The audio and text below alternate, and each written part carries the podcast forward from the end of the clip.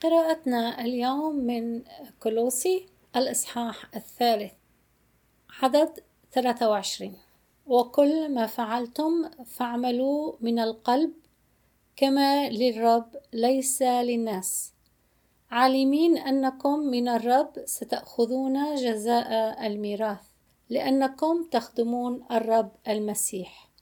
وأما الظالم فسينال ما ظلم به وليس محاباة.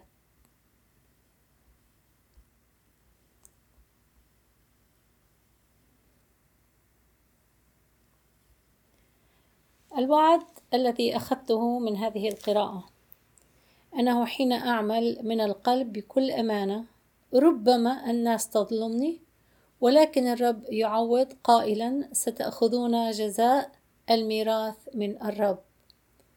يعني ما ضاع من حقي على الأرض فيه تعويضات سماوية.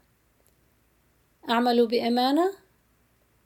وليس فقط أن صاحب العمل يرى أو لا يرى بل أعمل بأمانة وأنا في علم أن الرب هو الذي يرى والرب الذي يجازي حتى في أعمالنا اليومية.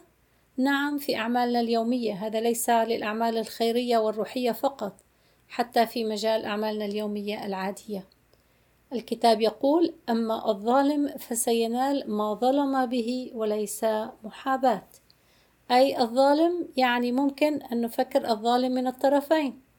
العامل الذي يتقاضى مبلغ على عمل لم يعمله جيدا هو ظالم.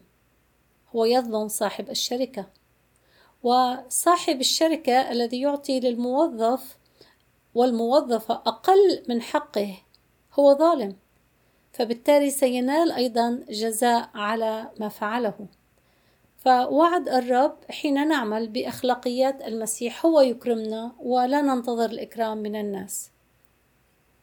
آمين.